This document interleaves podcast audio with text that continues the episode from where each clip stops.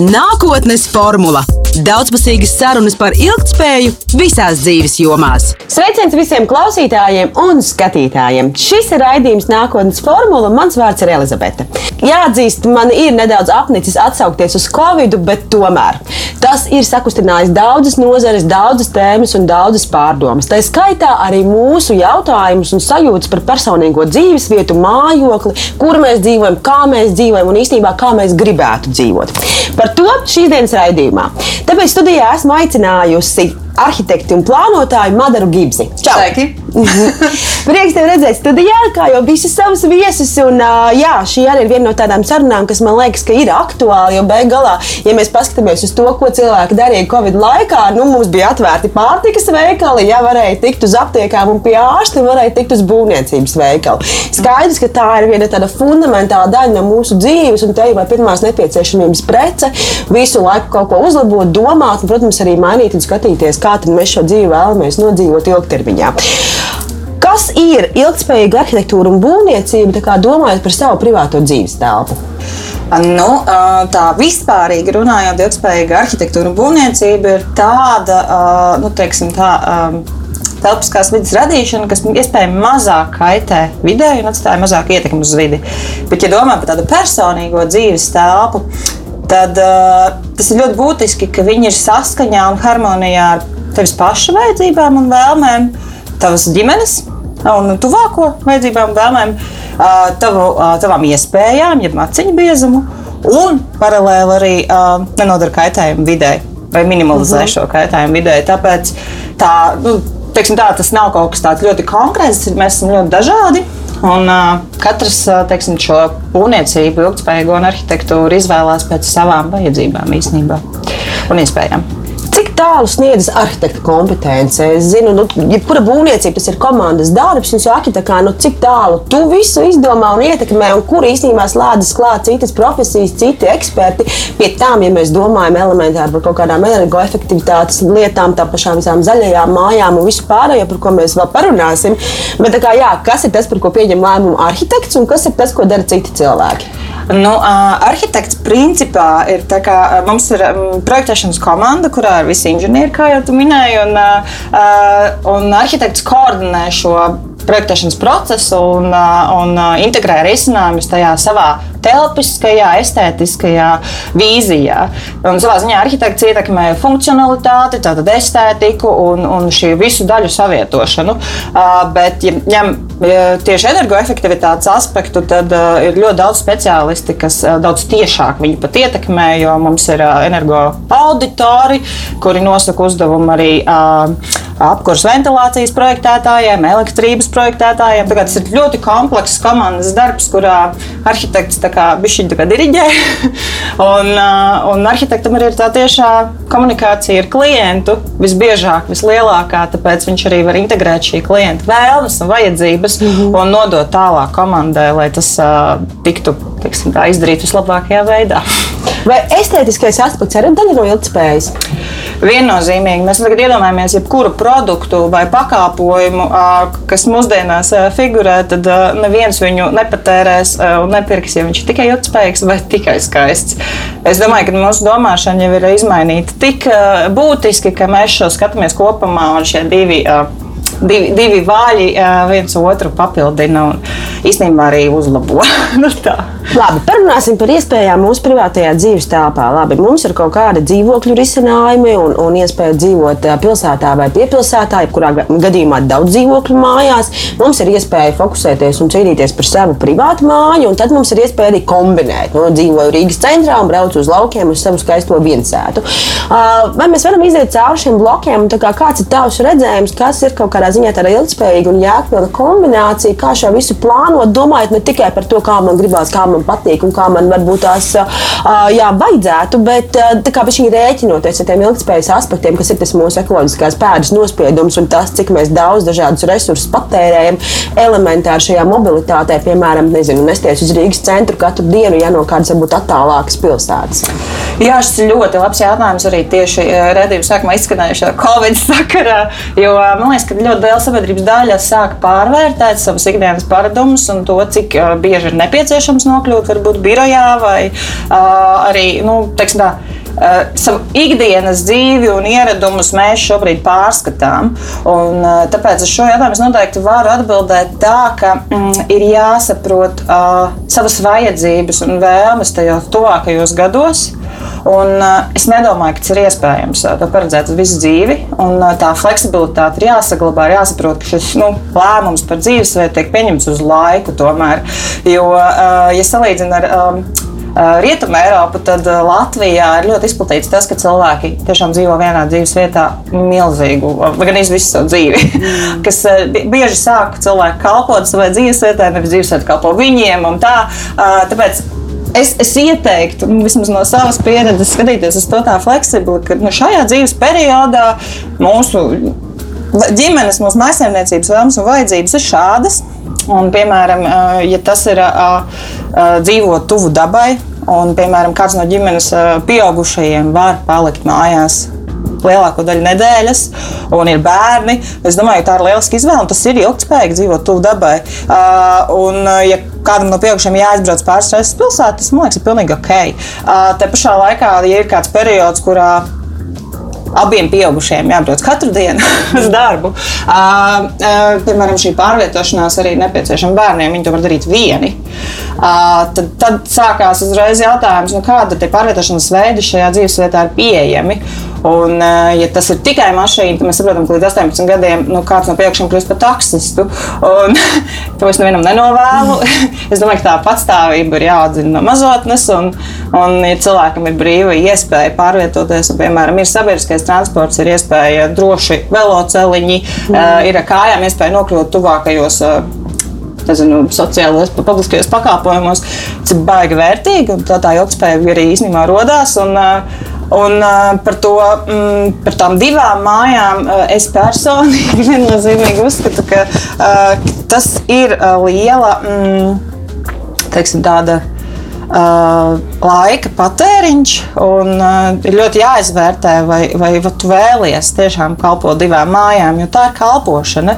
Un, uh, vai varbūt ir iespēja kaut kā fleksiblāk šo jautājumu skatīt, un kad ir kaut kāda uh, teiksim, nezinu, pārvietojama māja, kuru var izbraukt brīvdienās, vai varbūt ir iespēja ar draugiem kopā kādu īpašumu laukos uh, sacelt.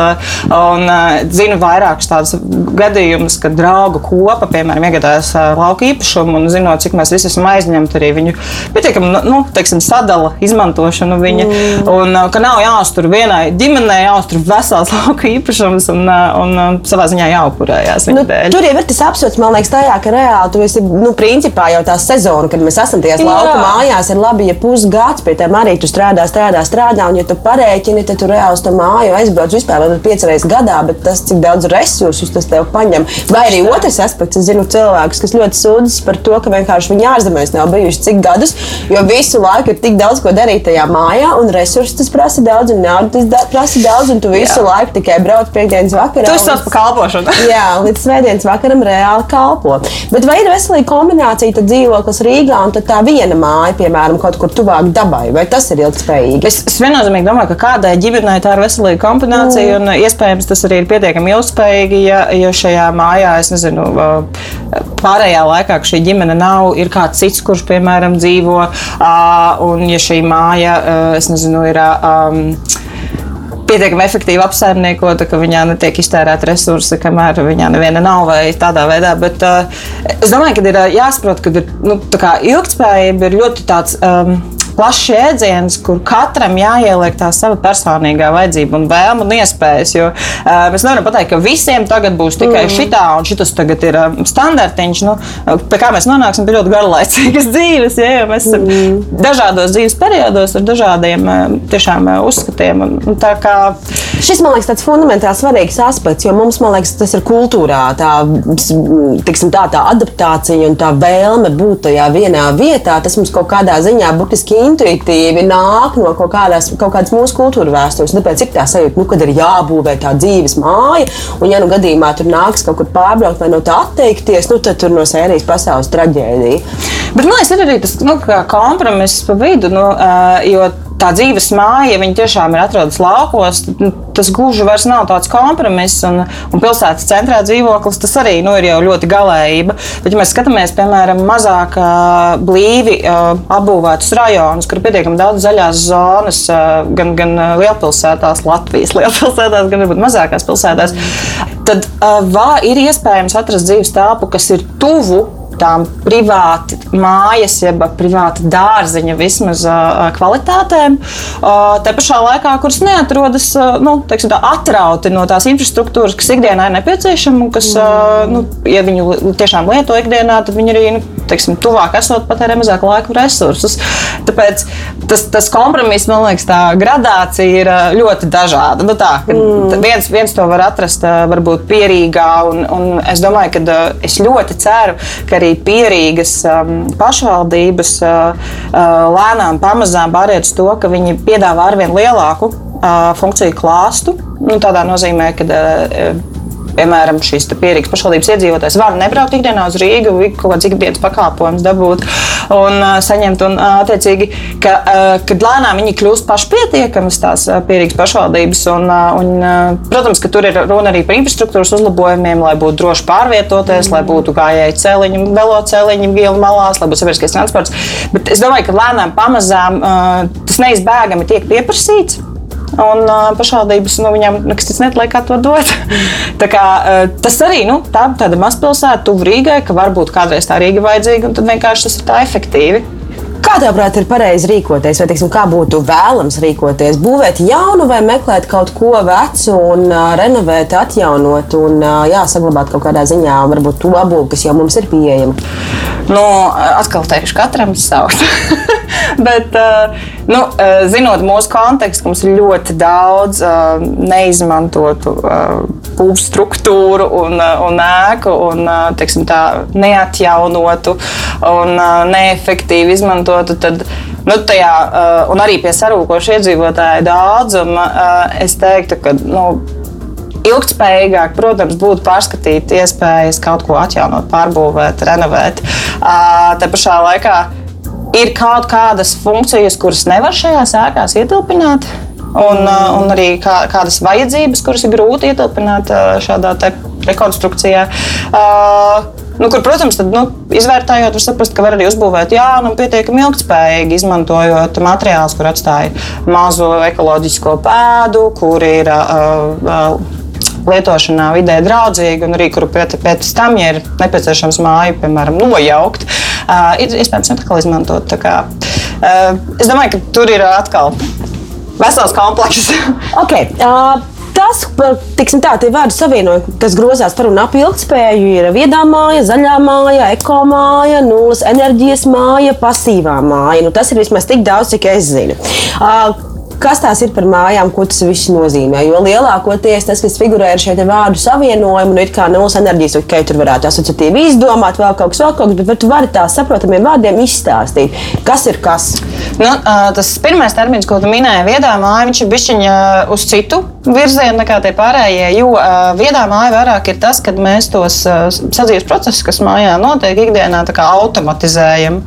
Un tādējādi um, arī gudrā māja var teikt, nu, ka uh, mums mazāk jāpiedalās tajā mājas apsaimniekošanā, nu, pat līdz tādām detaļām, kad, nezinu, gulēt, ejot aizskari paši aizvarās. Tā, tā kā tas ir nu, tajā virzienā, ka tā māja tomēr ir automatizēta, pietiekami robotizēta jau. Um, bet tie pārējie termini, zaļā un eko māja, ir vairāk saistīti ar to, ka uh, tad, tad viņa tiek būvēta no um, dabai draudzīgiem materiāliem. Eh, zaļā māja visdrīzāk no dabiskiem, ekomāja no ekoloģiski eh, mazāk kaitīgiem materiāliem.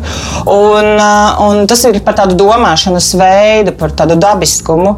Savukārt tie pēdējie pasīvā un nulles enerģijas māja ir saistīta tieši ar energoresursu patēriņu.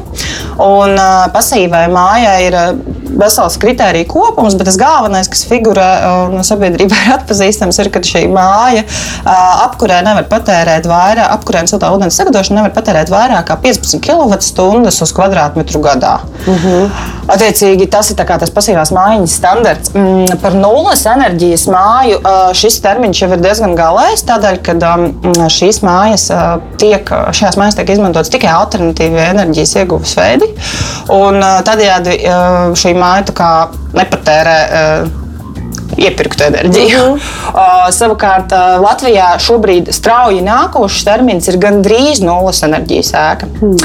Un šī gandrīz nulles enerģijas ēka ir attiecīgi jau no šī gada obligāti jāprojektē publiskā sektorā. Attiecīgi visi valsts pasūtījumi, visas jaunbūves un pašvaldību pasūtījumi ir jābūt šīs gandrīz nulles enerģijas ēkām.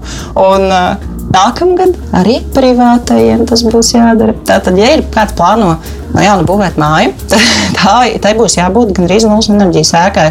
Un šai ēkai patēriņš ir uh, apkurē siltumūdenim līdz 40 kWh gadā uz kvadrātmetru, un attiecīgi kopējai uh, enerģijai 95 kWh gadā un 75% jābūt atjaunojamai enerģijai. Jēziņ, nu kā parasti cilvēks vienkārši to visu var zināt? Es esmu izdomājis savu plānu, un kā, vai simtprocentīgi arhitekts vai būvnieks, ar ko es sadarbojos, šo informāciju man zinās un pateiks visu priekšā, kā man pareizi darīt.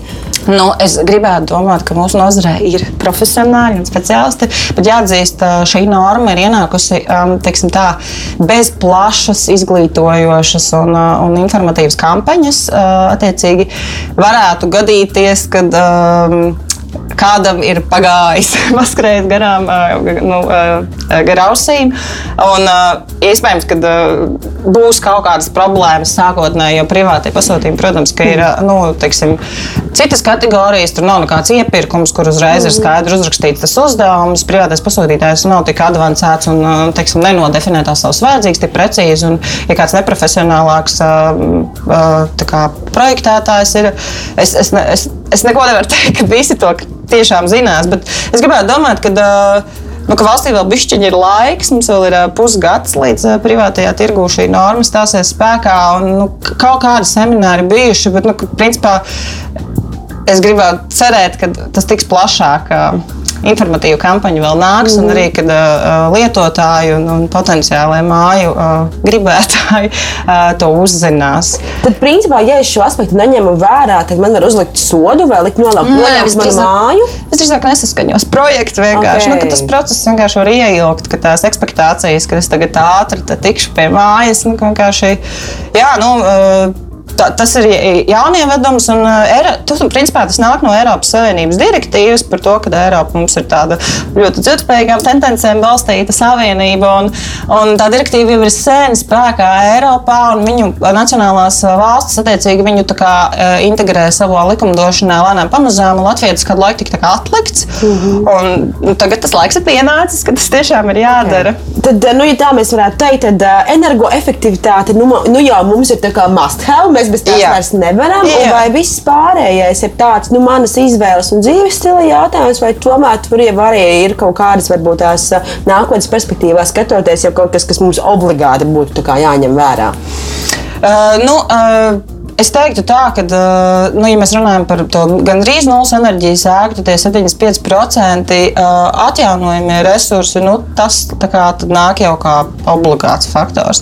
Bet, nu, piemēram, par tām manām izvēlēm runājot, izvēlēties materiālus, kas ir atstājuši ražošanā mazāk ekoloģisko pēdu un kuri lietošanā ir veselīgāki un, un mazāk ekoloģiski atstāj nu, uz vidi ietekmi tā tomēr ir personīga izvēle. Un es gribētu arī aicināt, ņemot vērā, ka mēs esam tāda īsta resursa valsts, aicināt izvērtēt, vai tiešām ir kādreiz nepieciešams iegādāties kaut kādas itāļu flīzes, vai nevar lietot vienkārši Latvijas koku. Un, un, tā kā tie lokālie resursi, tā ir mūsu izvēle. Jo vienmēr jau tirgus ir atvērts, viss ir pieejams, bet, bet, bet ir itīgi forši, ka, nu, ka mēs saprotam, ka tā Mēs pirmkārt atbalstot uh, šo vietējo produkciju, varam arī sevi ekonomiku veicināt, bet otrs arī, ka mēs tiešām atstājam mazāk ietekmi uz vidi, ja mēs tos produktus nevedam nezinu, no kurienes uh, tas materiāls un to māju nesastāv no kādām eksotiskām detaļā.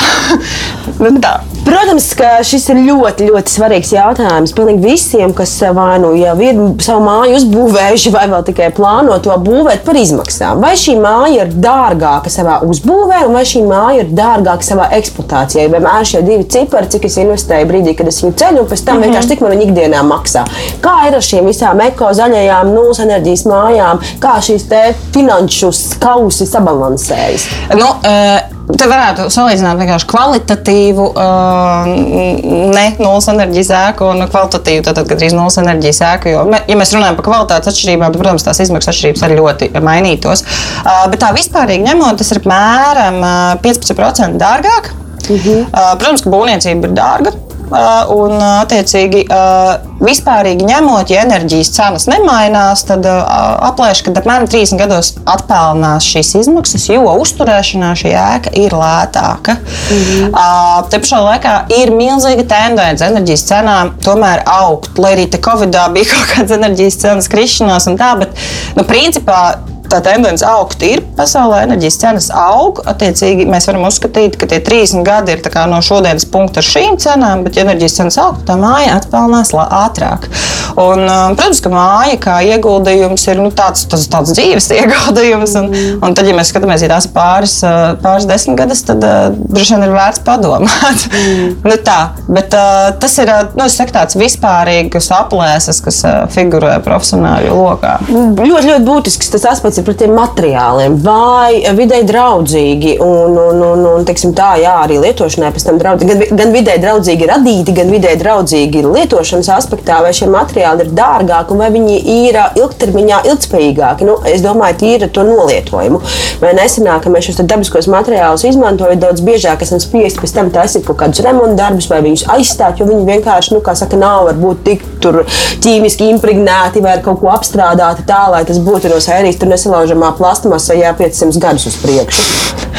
Dažādi, bet tā, vispārīgi atbildot šo, man šķiet, ka dabiski materiāli noveco skaisti. Mm -hmm. Un uh, bieži vien dabisks materiāls vecs izskatās pat labāk nekā jauns. Tāpēc ir populāri visādi vecināti koki -hmm. un, un, un visādas tādas, nu, teiksim, tā jau ar patinu uh, uh, materialitātes. Uh, Te pašā laikā uh, nu, ir mākslīgi materiāli, kur ir tur bezmazliet mūžīgi, bet mēs nonākam pie situācijas, ka, piemēram, kaut vai dzelzceļa betons, ka, ja ir tā situācija, ka ir jānojauc šī ēka, viņš atstāja milzīgu ekoloģisko pēdu. Tādā nozīmē, nu, viņš ir ļoti ilgmūžīgs, bet uh, mēs nodaram kaitējumu vidē ar to. Un, ja viņš tiek lietots nepārdomāti, ja mēs runājam par privāto dzīves stāvu, par kaut kādu mazmērogu apbūvi, tad uh, es, es, es nezinu, vai tas ir ilgspējīgākā izvēle. Uh, nedomāju, ka tā ir ilgspējīgākā izvēle. Nu, tā. Kas ir tādas varbūt modes tendences pašlaik kaut kādā tajā privātu māju būvniecībā? Nu, kādreiz bija tie, bezin, tie paši lielie stikla logi un viss pārējais, teiksim, viss tur stiklā. Tad, nu, kas nu kuram, bet pārsvarā, teiksim, pabraukājot kaut kur riņķi apkārt, var ik pa laikam pamanīt, nu, kad ir kaut kāda nu, lieta aizgājusi un tagad visi būvē tādas mājas. Kas ir tagad interesants tāds? Um, nu, mūsu, man liekas, kad uh, Latvijas tirgu uh, var redzēt, ka ļoti ļoti tomēr cilvēki sākuši domāt par racionālu būvniecību, un tas ir baigi forši. Es domāju, ka tās ir nu, iepriekšējās krīzes sekas, kad lielajām nepārdomātajām mājām cilvēki ar marmora kolonnām pārslimojuši kaut kā ir, un, un ka viņi nonāk pie tā, ka nu, īstenībā nemaz tik daudz nevajag. Un, ka, un, nu, tāds, tāds racionālitāte, tas bija arī varbūt tāds pragmatisms, tāds praktiskums nācis ir modē Latvijā. Bet, nu, tā, piemēram, skatoties Skandināviju, tad tieši šī ekoloģiskā būvniecība ir tiešām ļoti populāra un arī koku izmantošana būvniecībā ir pat vesels pilsētas, kur ir zonas, kur tikai no koka ir atļauts būvēt. Un, un tās tendences, tā kā mēs esam tiešā ietekmes zonā no Skandināvijas, rezonē uz Latviju, bet, protams, tā nu, pirktspēja ir daudz mazāka. Tāpēc cilvēki īstenībā nevar varbūt, atļauties nevienmēr to, to ko gribētos. Bet, nu jā, jau uz lielām summām arī tie 15% varbūt tās ir nozīmīgas. Protams, bet būvniecība ir dārga un tos 15% ieguldīt, tad, kad mēs domājam par kvadrātmetru mazāk, vairāk vēl pa virsmu. Uh, nu, jā, tas ir pārdomāts jautājums, bet uh, es domāju, ka nu, skatoties ilgtermiņā, tas viennozīmīgi atmaksājās. Cik kvadrātmetrus jūs rēķinat vienam cilvēkam? Nu, piemēram, ja es gribētu būvēt savu māju, nu, piemēram, mēs esam trīs cilvēki ģimenē, kā man saprast, lūk, cik kvadrātmetri būtu racionāli, efektīvi un ilgspējīgi? Ļoti personīgi tas ir. Vai jūs strādāsiet no mājām, mm -hmm. vai jūs, nezinu, iesiet uz bērnu dārzu, varbūt bērns neies uz bērnu dārzu, varbūt viņš dzīvos mājās. Tas ļoti pēc ģimenes teiksim, tā, tradīcijām un ieradumiem mm. atkarīgs, bet nu, mēs zinām, ka tas kvadrātmetru skaits vidējais Latvijā uz vienu iedzīvotāju joprojām ir nu, viens no zemākajiem Eiropā. Un, Cik tas ir? Uh, Es precīzi nezinu, bet man liekas, kaut kas ap 20. Noteikti ļoti maz, un uh, cilvēki dzīvo pār, pārapdzīvotos mājokļos. Un, Psihologs saka, ka 30 km2 ir jārēķina. Nu, tie ir sava telpa. Nu, jā, un, piemēram, Skandināvijā ir uh, Dānijā, man liekas, bija 40. Nu, tā, tas divreiz vairāk, mēs reiz saprotam, bet varbūt arī tas nav tas mērķis, jo, uh, jo mēs varam iedomāties, ka tas nozīmē, ka katram ir vismaz divas istabas. Jā, tas ar tā kā liekas, nu tā, es vairāk teiktu, ka tiešām jāizvērtē savi ieradumi un tas, tas, tas dzīves stils jo, um, piemēram, ģimenei, kurai patīk vairāk laiku pavadīt kopā un, uh, un uh, nu, jā, uh, savā ziņā tā, tā kā biedroties un socializēties, uh, varbūt nav nepieciešams lielas tās privātās istabas un var veidot lielāku dzīvojamo zonu. Savukārt, uh, ģimenei, kurā auga varbūt ļoti tādas individuālas personības, kur katram tiešām vajag to savu. Uh, pili, savu norobežoto zonu, tad varbūt tās privātās telpas ir lielākas un tā publiskā, jeb tā dzīvojamā telpa ir mazāka. Tas ir jāizvērtē. Tas, ļoti atkarīgs no katra indivīda. Vai vēl joprojām ir modē savienot šo dzīvojamo istabu saucamo ar virtuvi? Mm, es baigi nespecializējos tieši uz kā, tikai uz privāto vidi, vidas projektēšanu, bet ir, protams, kad ir vēlme cilvēkiem savienot, jo tas arī ir racionāli, jo var paplašināt šo dzīvojamo telpu uz virtuves rēķina. Un kaut kādos brīžos, protams, tas ir iracionāli, kad gribētos, lai jā, ēdienas maržas nenokļūst mm. un lai netīrība no virtuves neparādās dzīvām istabā. Tā kā arī tas ir tāds individuāls lēmums, bet, ja mēs domājam par kādu efektīvu, kompaktu dzīvojamo vidi, tad savienojot šīs telpas, mēs iegūstam vienkārši lielāku telpu. Un tas ir forši. Un tas horizonts ir mm. forši, ka viņš var būt patālinās, un ja nevis visi tādi mazi skābūzīši, tad nevienā nav kur paskatīties tālāk. Kā tu raugies uz šīm moduļu mājām vai gatavajām mājām? Tas tomēr ir kaut kādā ziņā tāds uh, cenas kompromiss starp, uh, starp, starp, starp uh, gribu savu sapņu pilī, ja, vai īrēju kaut kur dzīvokli. Ļoti daudz cilvēku, tīpaši domājot par savām vasaras mājām, izskata šos gatavos projektus. Ko tu par tiem domā? Nu, viņi ir ļoti dažādi. Es kopumā domāju, ka tas ir, ir tendence, kura ir pozitīva, jo tas pātrina būvniecības tempu, tas samazina arī ražošanas izmaksas. Daudz no modeļu māju uh, versijām arī ir pietiekami ekoloģiskas, atrodamas tirgu, bet um, nu kā, nu, viņas tomēr ir universalizētas. Um, risinājums. Un, uh, Tiklīdz kā gribas kaut ko pamainīt, tad uh, atkal rodas jautājums, vai, vai tas kompromiss, izvēloties moduļu māju ar tām tām personīgiem vēlmēm, vai tas kā ilgtermiņā iet kopā. Bet, uh, uh, Piemēram, arī tajā pašā Skandināvijā, kur vairāk tas darba spēka izmaksas ir tiešām augstas, moduļu mājas un šādas prefabricētu elementu mājas ir ļoti populāras, jo vienkārši tas ir tiešām lētāk. Latvijā nevienmēr, jo mums joprojām ir iespēja dabūt meistarus, kuri izdara kaut ko apšaubāms kvalitātes, bet izdara salīdzinoši lēti. Rezultātā nu, tā moduļu māja tomēr uzreiz ir jānoliek visa summa, un to viņa ir pabeigta. Ja, kā, uh, tas, uh, tas vēl tāds diskutabls jautājums. Bet, uh, jā, Es domāju, ka tas ir ļoti forša tendence, kad tā arī pieejamāks pakalpojums kļūst mājas būvniecība. Jo, ja katram būtu tāda individuāla ar arhitektu jāprojektē mājas, nezinu, vai mēs vispār tiktu kāds pie tās savas sapnīša. Bet kā ar to pašu būvniecības procesu? Nu, teiksim, arī cik riņķi apkārt cilvēki ir būvējuši tās savas mājas, nu nevar tā, kā saka, saprojektēt visu, izdomāt, tad par to aizmirst un aizbraukt uz gatavu māju. Tas process pa vidu ir tik nenormāli emocionāls, tik nenormāli, teiksim, teiksim, izaicinoša šī te komunikācija ar šiem pašiem strādniekiem un būvnieku grupām un visu pārējo. Un kā tad ir tas jautājums, vai tiešām kā ir jāieguldīties varbūt tās dārgākos pakalpojumus sniedzējos, kurus skaitās varbūt tās no A klases vai, vai, vai lasīt meistarus un, un, un riņķī apkārt, vai varbūt tās cīnīties kaut kādā ziņā ar to pašam, it kā taupot daudz līdzekļus, bet tad atkal tur tas laiks, nu, kur ir tās problēmas un ko tu pati esi sapratusi, cik ir tas, ko mēs paši varam ietekmēt. Un varbūt tas, kas ir tas, ko būtu tomēr klientam vai nu, mājas būvētājiem, varbūt nevajadzētu darīt. Nu, ja klientam ir hobijs, būvniecība, piemēram, ja viņam ir hobijs un ļoti liela interese par to, kas viņa mājā būs, teiksim, katra detaļa, un viņš kaut ko saprot no šī visa, tad nu, tā ir tāda cēla lieta, tai, tai savai mājai ieguldīt to savu laiku un vākt to komandu un nemaksāt kādam, kas to koordinē. Tā pašā laikā, ja klientam nav ne mazākā nojausma par to, kas ir būvniecība, tad tas ir milzīgs risks. Jo, nu, tam, tam kurš nomenedžē šo meistaru kopumu, uh, nu, ir jāsaprot tas kopsakarības un kādā secībā un, un kas ko prot. Un, jo, uh, jā, es, es, es viennozīmīgi saku, ka cilvēkam, kurš ikdienā nenodarbojas ar, ar praktiskām un tehniskām sfērām un kurš neinteresējās par būvniecību, nevajadzētu uzņemties koordinēt šo pasākumu, jo viņš ir uh, pietiekami komplekss un uh, tas varētu novest cilvēku tādā izmisumā, kā tas stāsta. Kad, uh, kad, Man ir bijuši pāris draugi ieaugu tajā stāvoklī. Tāpēc es ļoti konkrēti atsaucos uz dažiem zināmiem cilvēkiem, kas vienkārši ir sajukuši prātā un dabūjuši depresiju mājas būvniecības. Pat ne mājas būvniecības, bet dzīvokļa vienkārši remonta ietvaros. Nu tā.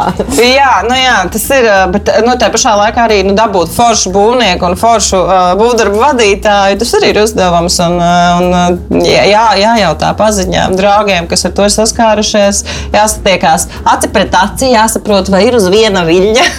un, Un, nu, jā, tas ir arī tāds personīgs dabas jautājums, jo um, tas tirgus ir tāds. Uh, es, es, es varētu teikt, ka nu, viņš, viņš nav tāds ļoti um, progresīvs uh, būvniecībā Latvijā. Un, un ir jā, jāmeklē tie labie mm. eksemplāri. Un, jā, tāpēc, uh, Bet ir jūtams vispār meistaru trūkums. Uh, jā, nu ļoti. Bija jau tagad, uh, pirms desmit gadiem, to jūtu. Tagad jau Var teikt, tā, ka jā, nu, jā, gandrīz daži meistari, dažu tipu meistari vispār nav pieejami. Tā kā jā, Latvijā ir problēmas ar meistariem, milzīgas problēmas. Kas tev ir pats svarīgākais tavā darbā? Manā darbā man pašai svarīgākais ir, lai mans klients ir laimīgs. Tev ne, nesanāk bieži vien iesties arī tādā psihologa lomā. o, jā, lēnām pamazām mācos arī šo. Parasināt kādas ģimenes konfliktus, ja fonā. Uh, to es mēģinu nejaukties, bet, protams, kad situācijā, kad ģimene ir saskanīga un kad uh, ir vienojušies par to, ko vēlas un uh, spējuši to nodefinēt, varbūt pat uzrakstīt, uh, un kā, nu, kad ir skaidrs tas uzdevums, arhitekta darbs ir daudz vieglāks. Un, uh, un tādā, nu, tādā ziņā es arī saku, ka privātais klients, es, saku, es ļoti nespecializējos uz šo, mums ir vairāk tādi korporatīvi klienti, bet uh, uh, privātais klients ļoti sarežģīts, jo tev bija šī jākļūst par labāko draugu, jāsaprot tas dzīvesveids un tas, uh, tas, uh, tas vērtību sistēma, un tad tu vari radīt kaut ko tādu, ar ko viņš tiešām ļoti gandarīts. Jā, jo tāpēc, ka tu vienkārši cilvēkam pajautās, ko tu gribi, nu, 90% gadījumā viņš jau nevar atbildēt. Nē, nē viņš vispār nezina, ko ietver šis jautājums. Mm. Tā kā, nu, ir nepārtraukts tikšanās mainās, un, un arī ļoti daudz izmaiņu. Ja tu uzzīmē, tad saproti, ka, nē, ka tas nebija tas īsti. Tā, tā kā privātais klients ir ļoti cimperlīgs un, un resursu prasīgs, un, uh, bet, uh, protams, arī ļoti interesants. Nu, Hmm. Tajā nozīmē, cik mēs katrs esam interesants.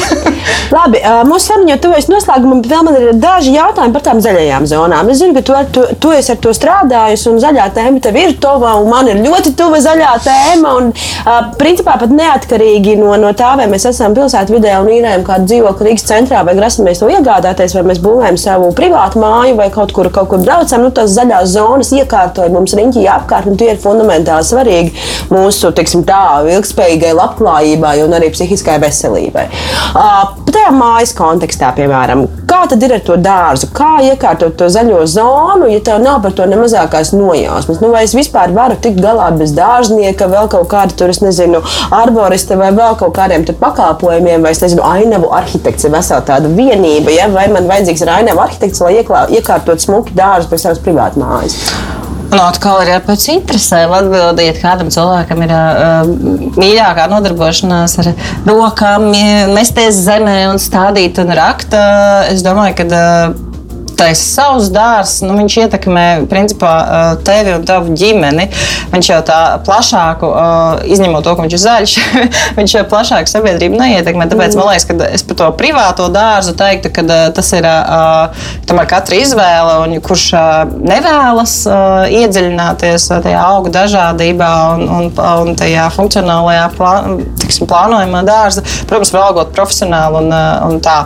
Bet uh, par tādu publiskie, publisko rīkojumu. Pirms mēs tā publiskā, es domāju Jā. par to profesionāli. Vai varu es to profesionāli noalgot vienu reizi, lai viņš man visu sakārto, un tad manā uzdevumā, piemēram, paliktu uzturēšanas jautājums? Vai tomēr protams. tas ir kaut kas, kas man visu laiku ir jārēķinās? Uh, es domāju, nu, uh, protams, ka var noalgot vienreiz kā konsultāciju, bet jāsaprot, ka uh, var gadīties, ka uh, uzturēšanā rodas jautājumi. tad atkal, un uh, tas jau vairāk tā kā uzturēšana, vairāk tā kā dārznieka jautājums. Es mm. ainavu arhitekts, tā kā konceptuāli izveido uh, šo dārza ainavu. Un, un ainavu arhitektam ir tās zināšanas, kā viņš var sastādīt augus, kas visu, visu silto sezonu ziedēs, un kad, lai būtu šī dažādība. Un, un, kā, tas ir ļoti komplekss un skaista profesija, kuras zināšanas katram, man liekas, izraisa brīdi. Mm. bet, bet ar uzturēšanu, jā.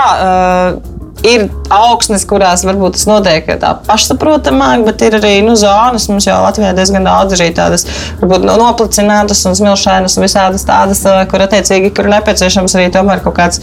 Uh, profesionāls skats un uh, papildinājums tai uh, augu uh, labsajūtai, lai tas dārsts arī uh, izaugtu liels un skaists. Man jau būtu sapnis vienreiz pakonsultēties, iestādīt un atstāt. Un viss man tagad stāv, es tur maksimāli māliņu nopļauju, un tur reizi gadā kaut kādu zariņu apgriežu. Tā nenotiek. Tā nenotiek, bāc. Labi. Tā ir dzīve, dzīve. Dārsts ir dzīves. Un dzīve jau viss attīstās un mainās. Ai, nu labi. Nu, tad būs jānosveltē vienkārši ceļš līdz mājai. Uh, labi, līdz mājai vēl ļoti tāls ceļš ejams, bet kā ar tām publiskajām zonām? Uh, kā saka, mums nu pat kā raidījumā viesojās arī viesurs cēliņš, un mēs ļoti daudz izrunājam par to, cik ļoti liela nozīme ir šīm zaļajām zonām. Tāpēc, jā, man interesē arī tavs komentārs par to, kas notiek pilsētu vidē un, un kur, mēs, kur mēs esam tajā zaļumā, un vai mums ir, vai mums ir teiksim, tā, dzīves apstākļiem un zaļajai infrastruktūrai labvēlīgi vai nelabvēlīgi šie apstākļi kaut vai domājot par Rīgu un varbūt par citām Latvijas lielākajām pilsētām?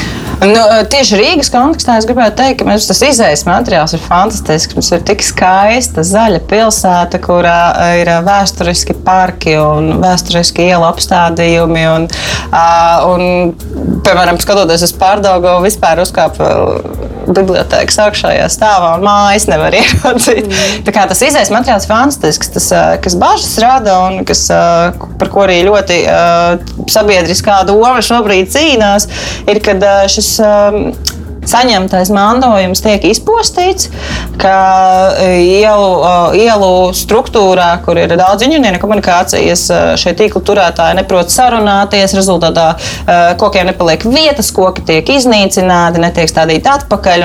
Mēs tā kā zaudējam šo zaļo struktūru.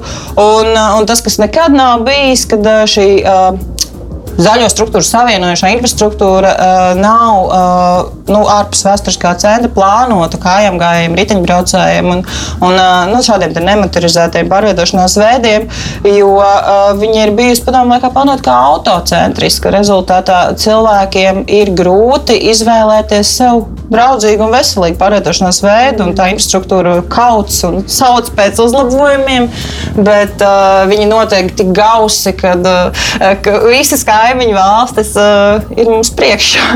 Un, uh, tāpēc uh, tas tā, teiksim, tā, ka uh, mums ir ar ko lepoties, bet mums arī ļoti jāstrādā, lai mēs varētu turpināt ar to lepoties. Un, uh, Tad uh, ir jēga cīnīties arī par tiem trim kokiem, ko plāno nocirst. Ļoti liela jēga ir. Jo, piemēram, kaut vai tagad, uh, trīs nedēļas atpakaļ, bija tas milzīgais karstums. Es, tas, es domāju, ka katrs pamanīja to, kad uh, ieejot zaļajā zonā, tāda veldza pēkšņi nāk pretī, jo ir mitrs un daudz vēsāks gaiss. Un uh, tik līdz kā ieiet kādā ielā, kur neviena koka, kur tikai mūri apkārt un asfalts, principā aizsitās elpa, jo nu, nav, kā, nav šī. Te, uh, Nav, nav neviena uh, absorbenta virsma, kur tos karstumu kā, uh, izlīdzinātu. Tāpēc tāda nu, siltuma salas veidošanās pilsētas centrā, ja tagad arī ir diskusijas par salu apbūvi, kur īstenībā ir galvenais valdošais vēja virziens pāri Daugavas salām, kur vispār svaigs gaiss ieplūst pilsētas centrā. Un, ja diskutē par to, ka viņas varētu apbūvēt ar augstceltnēm, tas nu, ir pilnīgi nu, teiksim, tā, traģiski Rīgai. Un, un, vajadzētu domāt tā kompleksāk un saprast, ka mēs esam Uh, neliela, tomēr liela pilsēta, bet neliela. Un uh, tā dzīves kvalitāte turpmākajos gados būs galvenais jautājums. Mums pilsētas centrs jau ir uh, iztukšojies un kļuvis diezgan grūti apdzīvojams. Cilvēki konkrētos dzīves periodos izvairās dzīvot pilsētas centrā, un tās nav labs rādītājs. Un, kā to pasliktināt vienkārši nedrīkst.